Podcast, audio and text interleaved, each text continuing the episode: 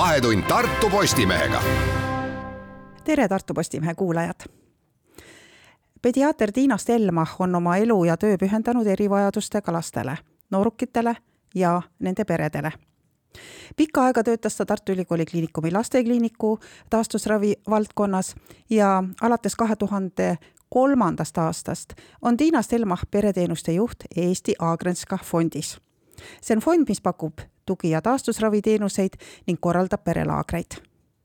tänu Tiina Stelmachile on paljud puudega laste pered saanud vajalikku abi ja toetust. tere tulemast meie taskuhäälingusse, Tiina Stelmach. tere, tere minu nimi on Aime Jõgi ja minu ettepanek on nüüd Tiina teiega siin natukene aega koos juttu puhuda teid on valitud Tartu linna aukodanikuks. Ja nii palju, kui mina aru saan, eh, tähendab see seda, et te olete terve elu teinud väljapaistvat tööd, mis on otsekui auavaldus Tartu linnale. kuidas see au teile meeldib, Tiina Stelma? see au tegelikult on olnud noh, üllatav, sest ma ei arva veel, et ma olen nii auväärses eas, kus juba võiks olla nomineeritud äh, linna aukodanikuks.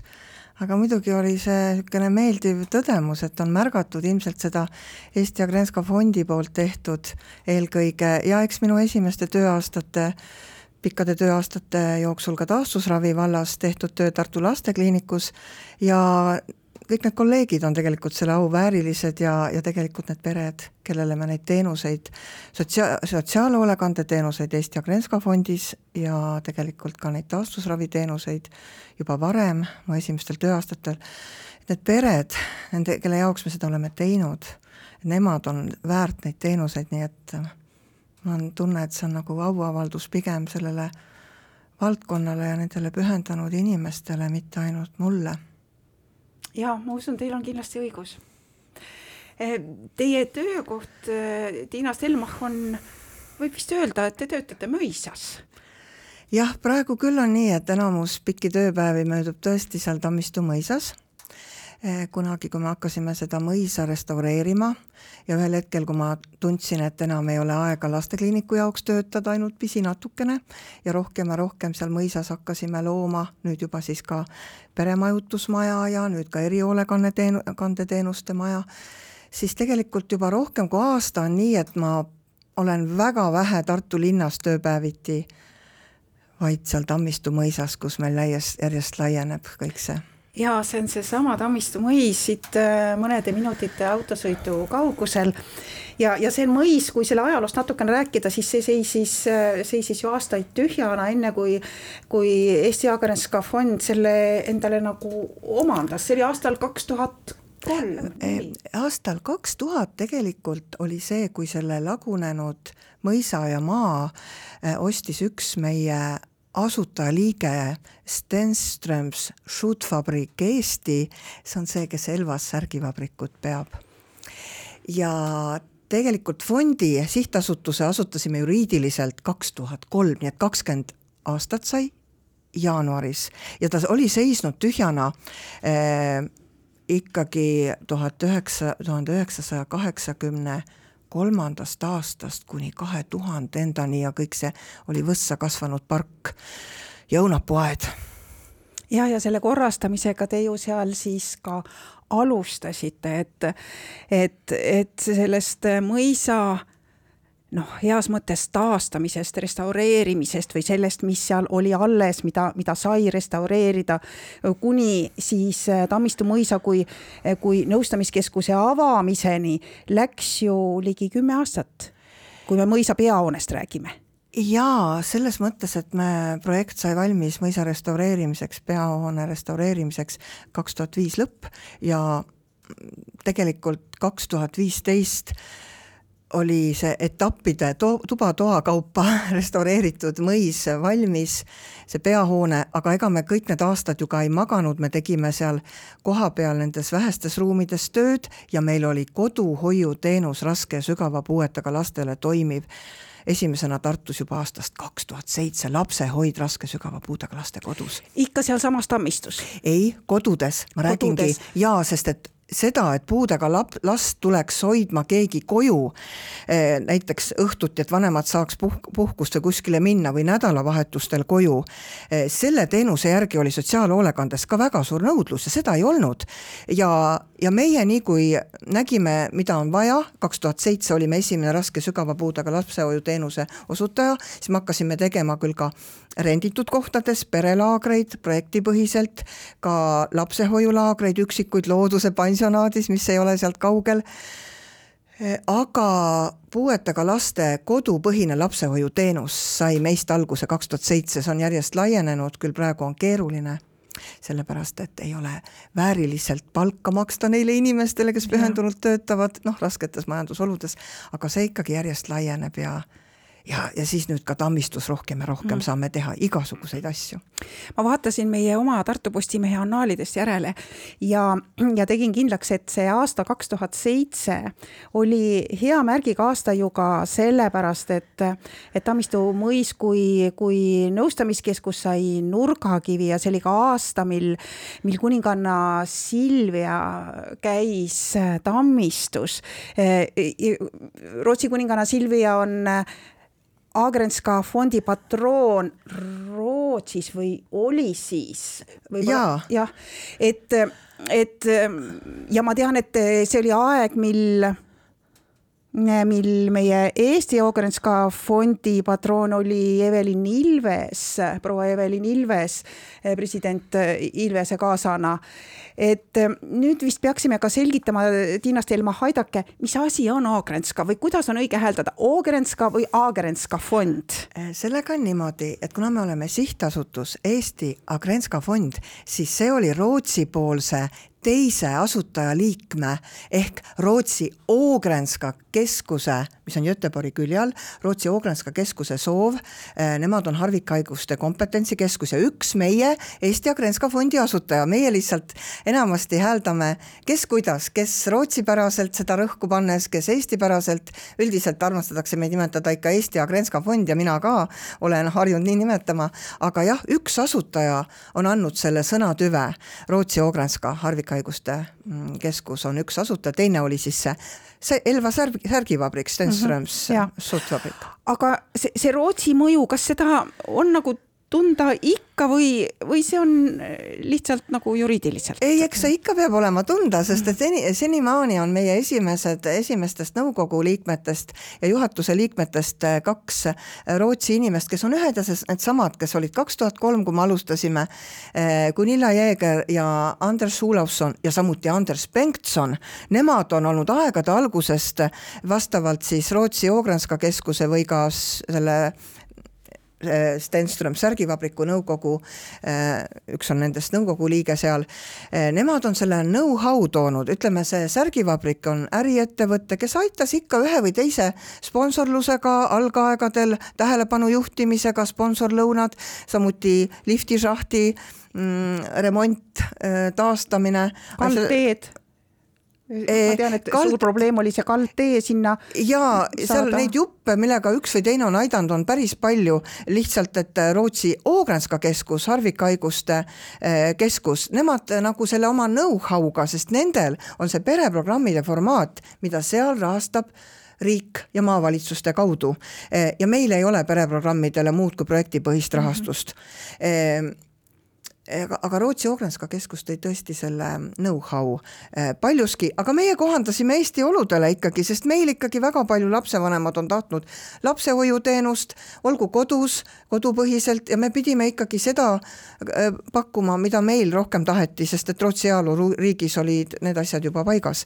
nii et eh, nad on kogu aeg pildis ja kogu aeg mõtlevad kaasa ja tahavad, elavad kaasa, aga siin ikkagi siinset elu peame kogu aeg ikkagi meie põhiliselt juhtima, majandama ja see ongi oluline, ega siis kaugelt ei saagi. Mm, ja arusaadav.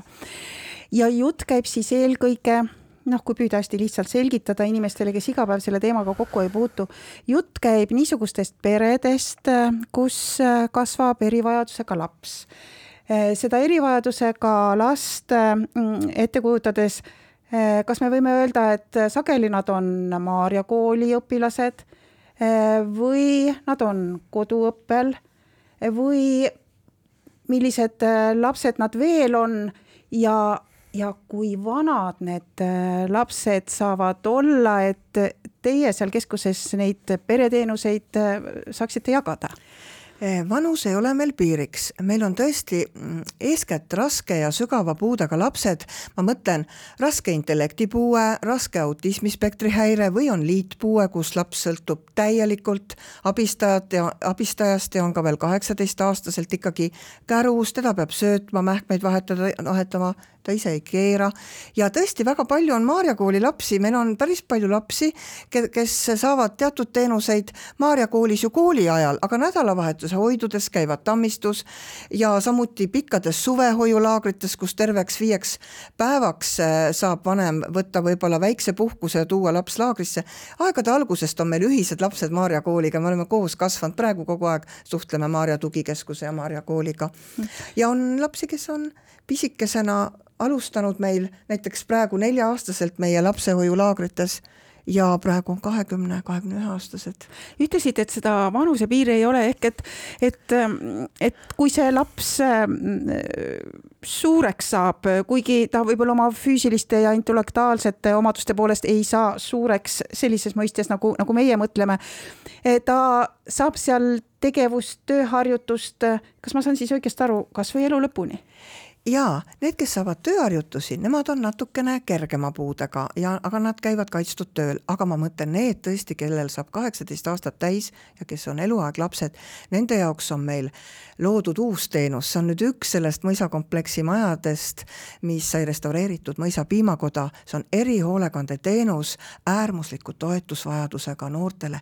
Ja seal on meil kaheksateist kuni kolmekümne viie aastased, need on need, kes päris töösarnaseid tegevusi ei saa iial tegema, vaid kes vajavad ikkagi hoolduskoormuse vähendamist, niikaua kui vanemad jaksavad, ei ole siiski veel ikkagi, et saaks hooldekoduaega edasi lükata, käivad kodudest, saavad seal ööpäevaringselt, kes saab kaks-kolm ööpäeva kes kuidas on niisugused hästi toredad perekesksed ruumid mõisa piimakojas ja vot nemad saavad seda teenust edasi ka, kuigi nad ei ole enam lapsed.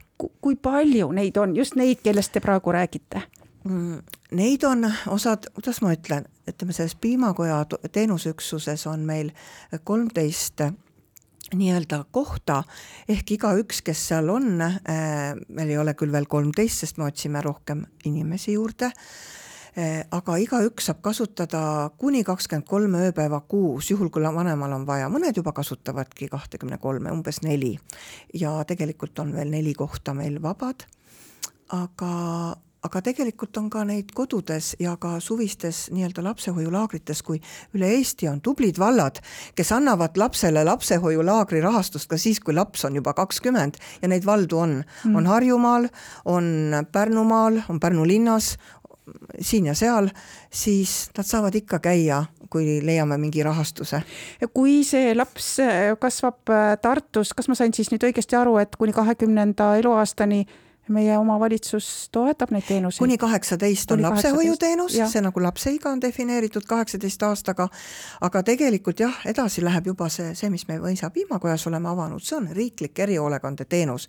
see kuulub sinna valdkonda, kuhu kuul-, kuuluvad need hooldekodudki, lihtsalt see on vaheetapp hooldekodudele, see on päeva-nädala hoiuteenus mm -hmm. äärmusliku toetusvajadusega lastele ja noortele, õigemini noortele, need on eluaeg lapsed. ja, ja aga nad on noores eas. jaa, kaheksateist pluss on nad juba, peavad olema olema, et seda saada edasi. nii, piimakojast kõnelesime, aga räägime nüüd äh, ka sellest äh, tänasest äh, päevast siis Mõisamajas. ma mäletan, kui see mm, avati, siis oli seal tõesti see tööharjutuskeskkond, seal on ilusad suured saalid või ilus suur saal loengu pidamiseks, seal üleval olid nagu toad, kus sai majutada või mingid mhm. vooditega toad, vaatasin vanu pilte, et kirjeldage seda Tammistu mõisa praegu ja, ja mis siis seal, mismoodi töö käib seal? meil on nagu kolm maja nüüd peale mõisamaja, eks ole, kus me aastaid tegimegi neid lapsehoiulaagreid ka ja päeval oli esmaspäevast neljapäevani tööharjutuskeskus. aga mis jäi majutuse mõttes väikseks, sest suveti olid hoiulaagritesse järjekorrad üle Eesti, aga nüüd meil see ütleme, selle mõisamajale lisaks on nüüd see peremaja ehk peremajutusmaja, kus me saime riigieelarvelise toetuse lõpuks sellel ajal, kui Gennadi Ossinovski, Jevgeni Ossinovski, vabandust, oli sotsiaalkaitseminister, siis tema võlus meile välja sellise toetuse ja Alexela aitas lõpprahaga ja aasta aega on meil see uus maja ehk kolmas mõisakompleksi maja ehk peremajutusmaja, kus me teeme nüüd teist suve hakkame tegema lapsehoiulaagreid ja kuhu mahuvad kõik, kui me ainult leiame inimesi ja kui me ainult leiame rahastuse omavalitsustelt, sest äh, seal on kaasaegsed võimalused ja mm., ja piisavalt tube, aga mõisas me püüame neid ruume äh, aeg-ajalt välja rentida, seal on endiselt päevakeskus ja lihtsalt praegu majanduslikult raskel ajal püüamegi, et sotsiaalteenuste toetuseks võib-olla teha seda ka atraktiivseks, et rentida välja üritusteks, võib-olla juubeliteks, võib-olla äh, mingiteks majutusteks ja sellega me ka tegeleme mm, -hmm. lihtsalt praegu on raske. et Tammistu mõis on ju olnud ka mõisamängu ajal, selle üle-eestilise mõisamängu ajal päris mitmel aastal avatud, kui äh, kui, kui üle Eesti on avatud kõik need mõisakoolid ehk et koolid ja haridusasutused, kus siis on äh, parasjagu kool või või, või kus siis ka on olnud kool, et ma ise olengi ühel mõisapäeval teile sinna sattunud, kus, kus teie naised ja, ja, ja võib-olla tuttavad kohalikudki naised pakkusid äh, kohvikukraami ja käsitööd ja, ja, ja see park on ju, ju, ju nauditav ja vaimustav ehk et küsida tahan ma nüüd hoopis siia kõrvale seda, kui palju on neid inimesi, Tiina Stelma, kes teie kõrval ja kellele te ka meie vestluse algul viitasite, et, et, et see, see tänu selle töö eest kuulub väga paljudele. kui palju seal, kui palju see Tammistu mõis inimestel tööd annab või anda saab? no tegelikult kõige suurem on võrgustik ikkagi meie lapsehoidjatest, tugiisikutest nendest tegevusjuhendajatest, kes praegu ööpäevaringset teenust pakuvad ja need lapsehoidjad, tugiisikud on paljud just kodupõhised töötajad. See võrgustik on kõige suurem, kokku on meie palgalehel praegu, on olnud rohkem inimesi Äh, lihtsalt äh, kõikide täiskoormusega seal lapsehoidjate võrgustikus, praegu on neid sada üheksa. aga seal on väga palju, on ikkagi neid, kes teevad kodudes. kohapeal korraldajatiim on meil ikkagi üpriski väike, kellega me päris palju asju teeme, sest me ei saaks suurt halduspersonali lubada ja eks ka kakskümmend neli seitse töökohati on minu parimatel kaasvõitlejatel ja mis parata, mul endal ka, aga aga jah, kokku, nagu ma ütlesin. kust see raha tuleb, et seda mõisa ülal pidada? see on tegelikult niimoodi, et äh, ikkagi sotsiaalteenuste müügist, ütlen ausalt, praegu on raske neid niimoodi müüa, et, et seal ots otsaga kokku tulla ja tõesti tulemegi praegu ots otsaga kokku. aga kohalikud omavalitsused ostavad lapsehoiu tugiisikuteenust. Äh, tegelikult peale Tartu linna on ikkagi tublisid Tartumaa valdasid ja ma ütlen üle Eesti linnu ja valdasid, kes, kes äh, ikkagi saavad aru, et kui lapsehoiuteenust ei saa enam üliodava hinnaga osutada ja ikkagi endiselt tellivad oma lastele, siis, siis muidugi riiklikud teenused on rehabilitatsiooniteenus, mida me osutame nii kodupõhiselt kui ka natuke lastekliiniku majas üks-ühele tööna ja ka Tammistus äh, ja samuti erihoolekandeteenus, see on nüüd see piimakojas arendatav teenus, mis järjest laieneb ja kuult kuus, kuust kuusse see ongi ja, ja muidugi sponsorid, ma ütlen ausalt, hm. et tegelikult kui poleks olnud seda Alexelat, kes aitaks peremaja äh, oleks aidanud peremaja lõpuni ehitada ja Utilitas, kes ise pakkus abikäe, et sisustada see peremaja, ma poleks uskunud, et ma sellise kõne saan ja nad olid mind märganud, nad olid meid märganud mm. -hmm. ja on siiski jäänud püsiannetajad, kes iga kuu kolm koma kolmkümmend kolm euri või seitse euri meie omad tuleb... eestlased jaa, kusjuures seal on vähem ja rohkem kuulsaid, meie praegune patroon, kes endiselt jäi meie patrooniks, Kersti Kaljulaid, ta jäi patrooniks ka siis, kui tema presidentuur lõppes, tema on isiklikult äh, toetanud meid väga palju äh, just selles ehitusfaasis, selles Alexela kampaanias ja ka oma sõpru suunanud abistama ja noh, Alexela sõbrad ja Utilitase sõbrad ja, ja tõesti meie enda võrgustiku äh, lapsevanemad, kes on jõukohaselt aida-, tahtnud ikkagi mm. aidata ja oma sõpru suunanud ja ja üks salapärane annetaja, kes on kaks tuhat kaheksateist, kui me tegime Tammistu küünis ju olid hästi populaarsed pulmad, kuni lõpuks me ei, ei olnud aega enam neid teha, sest tuli ehitus ka peale. ja praegu meil see suvi vist on kõik ainult lapsehoiuteenus, meil ei ole aega. ja üks salapärane inimene, me teame teda nimeliselt küll, aga ma ei tea, kas ma tohin avalikustada, kes saadab sellest ajast, kui ta seal kaks tuhat kaheksateist juunis ühes pulmas oli, annetuse nimi on Küünipulma lilleraha ja see tuleb, oi, see tuleb, see märkimisväärne summa tuleb vähemalt iga kvartal, siis on lihtsalt summa suurem, kui ta pole üks ja. iga kuu tul-. uskumatud tegelased on kõik need annetajad ja, ja., ja need inimesed, kes meid on märganud. Te äh, rääkisite rehabilitatsiooniteenusest, et mm, -hmm. Et, et võib-olla veel mõned minutid kõnelda ja, ja et seda kuulajale nagu paremini arusaadavaks teha, et millega Eesti Agrenska fond ikkagi tegeleb. tooge või, või kujutage vaimusilmas ette kedagi, kelle puhul te saate jutustada temast turvaliselt, talle liiga tegemata või, või, või, mhm. või tema isikut äh, nagu avalikustamata, aga kirjeldage, mida saab taastada või mis see rehabilitatsiooniteenus mõne pere või erivajadusega lapse puhul tähendab, kui me enne siin ütlesime, et nad on lapsed nii mõistuselt kui kehalt võib-olla terve elu uh? -huh. Ühe lausega ei oskagi ma, aga kuna me kõige rohkem tegelikult praegu teeme just nimelt neid sotsiaalhoolekandeteenuseid ehk lapsehoiuteenus, tugiisikuteenus, erihoolekandeteenus, siis pean ütlema, et see rehabilitatsiooniteenus on kõige väiksem proportsioon, kuid kõik need lapsed, kes vajavad kaasasündinud puude tõttu või harvikhaiguse tõttu sellist eluaegset toetust, kas või arsti nõustamine, eripedagoogiline nõustamine, individuaalne abi perele kui ka lapsele, tegelus, sotsiaalnõustamine, eh, sotsiaaltöötaja tugi, need, need ongi need rehabilitatsiooni ja hoolekande nagu koos toimimised. see on ka eh, vanemate aitamine. ikka ja seal on ka perede nõustamine, õpetamine, kuidas kodus tegeleda, kuidas eh, kuidas üle olla sellest olukorrast ja kuidas puhkust leida, see on ka see, kui vanematele anname lihtsalt nõu, äh, kuidas, kuidas kas või dokumente täita, kuidas kuidas sellest bürokraatia barjäärist läbi murda, et saada ühte või teist teenust, kuidas oma omavalitsusega isegi suhelda kohati oleme pidanud õpetama.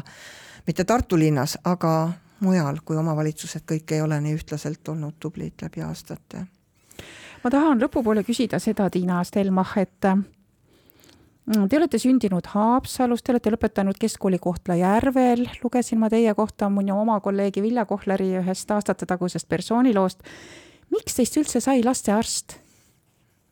Jah, ma nüüd olen ma juba otsa, otsaga sotsiaalhoolekande korraldaja ja päris lastearst, ma kaasaegses mõistes, see kvalifikatsioon on juba tagaplaanil. jaa, aga te läksite aga õppima äh, jah ja, arstiteaduskonda ja valisite pediaatria. mul oli suguvõsas mitmeid, äh, mitte küll mu ema ja isa, nemad olid hoopis keemikud, aga mitmeid tohtreid äh, varasematest põlvkondadest ja kuidagi viimastel kursustel, muide ma tahtsin algul ajakirjanikuks saada, ma kirjutasin isegi õpilasmalevas olles ühe loo kohalikku lehte, Lääne-Virumaa lehte, aga kuidagi viimastel keskkooli aastatel ma tundsin, et ma tahan minna arstiteaduskonda, ma tahan arstiks õppida, lastearstiks, tookord oli väga kõva konkurss. Ja siis ma jäin Pimesoole, eh, Pimesoole põletikku, kui ma õppisin eksamiteks, ise diagnoosisin endal ja ja see väga ebatüüpilised sümptomid, aga diagnoosisite õigesti ära. ja, ja kolmandal päeval lõpuks üks arst ütleski, et ah, opile, sest et mul olid ebatüüpilised sümptomid, natuke vaibusid. ja siis ma mõtlesin, tuhka sellest, kui mul nüüd polnud aega üks viis päeva eksamiteks õppida, lähen sanitariks Kohtla-Järve haiglasse Pole hullu ja ma täiesti pingevabalt, ma ei olnud jõudnud nii palju õppida, seal oli oluline, et teed kaks esimest eksamit maksimumhinnetele, viis ja viis, keemia, bioloogia olid vist need. Ja, ja siis oli kindel, et saad sisse, sest muidu oli väga kõva konkurss, aastaid hiljem ka veel. see oli nõukaajal ju tuhat üheksasada seitsekümmend üheksa oli see, kui ma sisse astusin.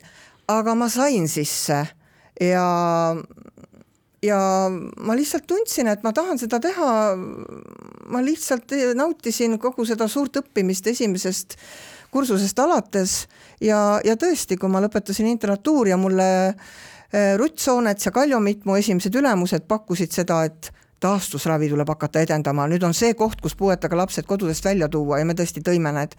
Äh, siis ma kohe olin nõus. Ei, mulle sobis see. Mm.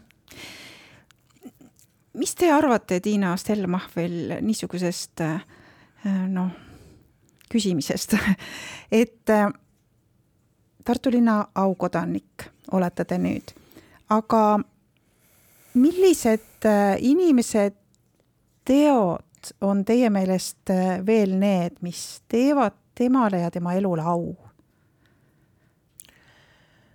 Äh, kuidas öelda, need on need teod, mida minu igapäevased kaastöötajad teevad, nad, nad tõesti otsivad lahendusi igale uuele probleemile, mis tekib perede poolt, nad ei küsi ajast, nad, nad pühendunult tõesti kas või seesama kodune lapsehoidja või tugiisik, erinevad keerulised olukorrad tekivad, vahel on ema murest murtud ja tal on oma probleemid, Nad lihtsalt lahendavad, kui neile tuleb mure, nad lahendavad ja nad ei küsi seda, et kas see on minu teha, kas mina pean olema see, et äkki on keegi teine, miks üldse sina teed, nii nagu palju küsitakse, et miks sina, see pole ju sinu töö, see on kellegi teise töö. äh, kui sa püüad võtta iga teise inimese muret kui oma muret ja seda lahendada, see teebki au see on pühendumus. jaa, ma ütlekski, et need kõik need töötajad, kes, keda mul on au ümber omada ja kes meil, kõik need lapsehoidjad ja tugiisikud, me otsime kogu aeg neid juurde oma võrgustikku, nemad ongi pühendunud, mu no parimad äh, lapsehoiuteenuste kaaskorraldajad, nad on, ma, ma ei hakkagi ühtegi nimeliselt nimetada, sest muidu, muidu ma teen kellelegi liiga, ma ei jõua neid kõiki nimetada.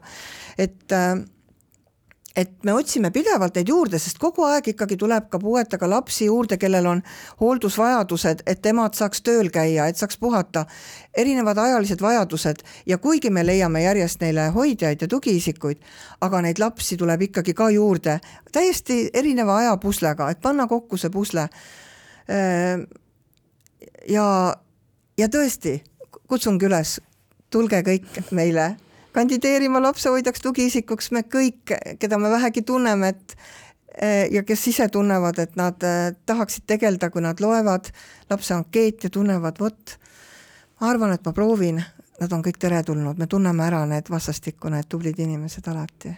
Suur tänu teile, Tiina Stelmach, et te tulite ja, ja et me saime rääkida sel teemal. Ja me rääkisime siis Tammistu perekeskusest, mis on Eesti Jagrenska fondi pesa jaa, on küll pesa ja, ja kodu ja süda, ilus mõisasüda oma ilusa auraga ja nende inimestega, kes seal on. ja kes sinna kuuluvad, isegi siis, kui nad teevad ainult kodupõhist lapsehoiuteenust, aga nad satuvad ikka sinna vahel ja kutsume neid sinna kokkusaamistele aitäh, aitäh ka Tartu Postimehe kuulajatele. minu nimi on Aime Jõgi ja kuulmiseni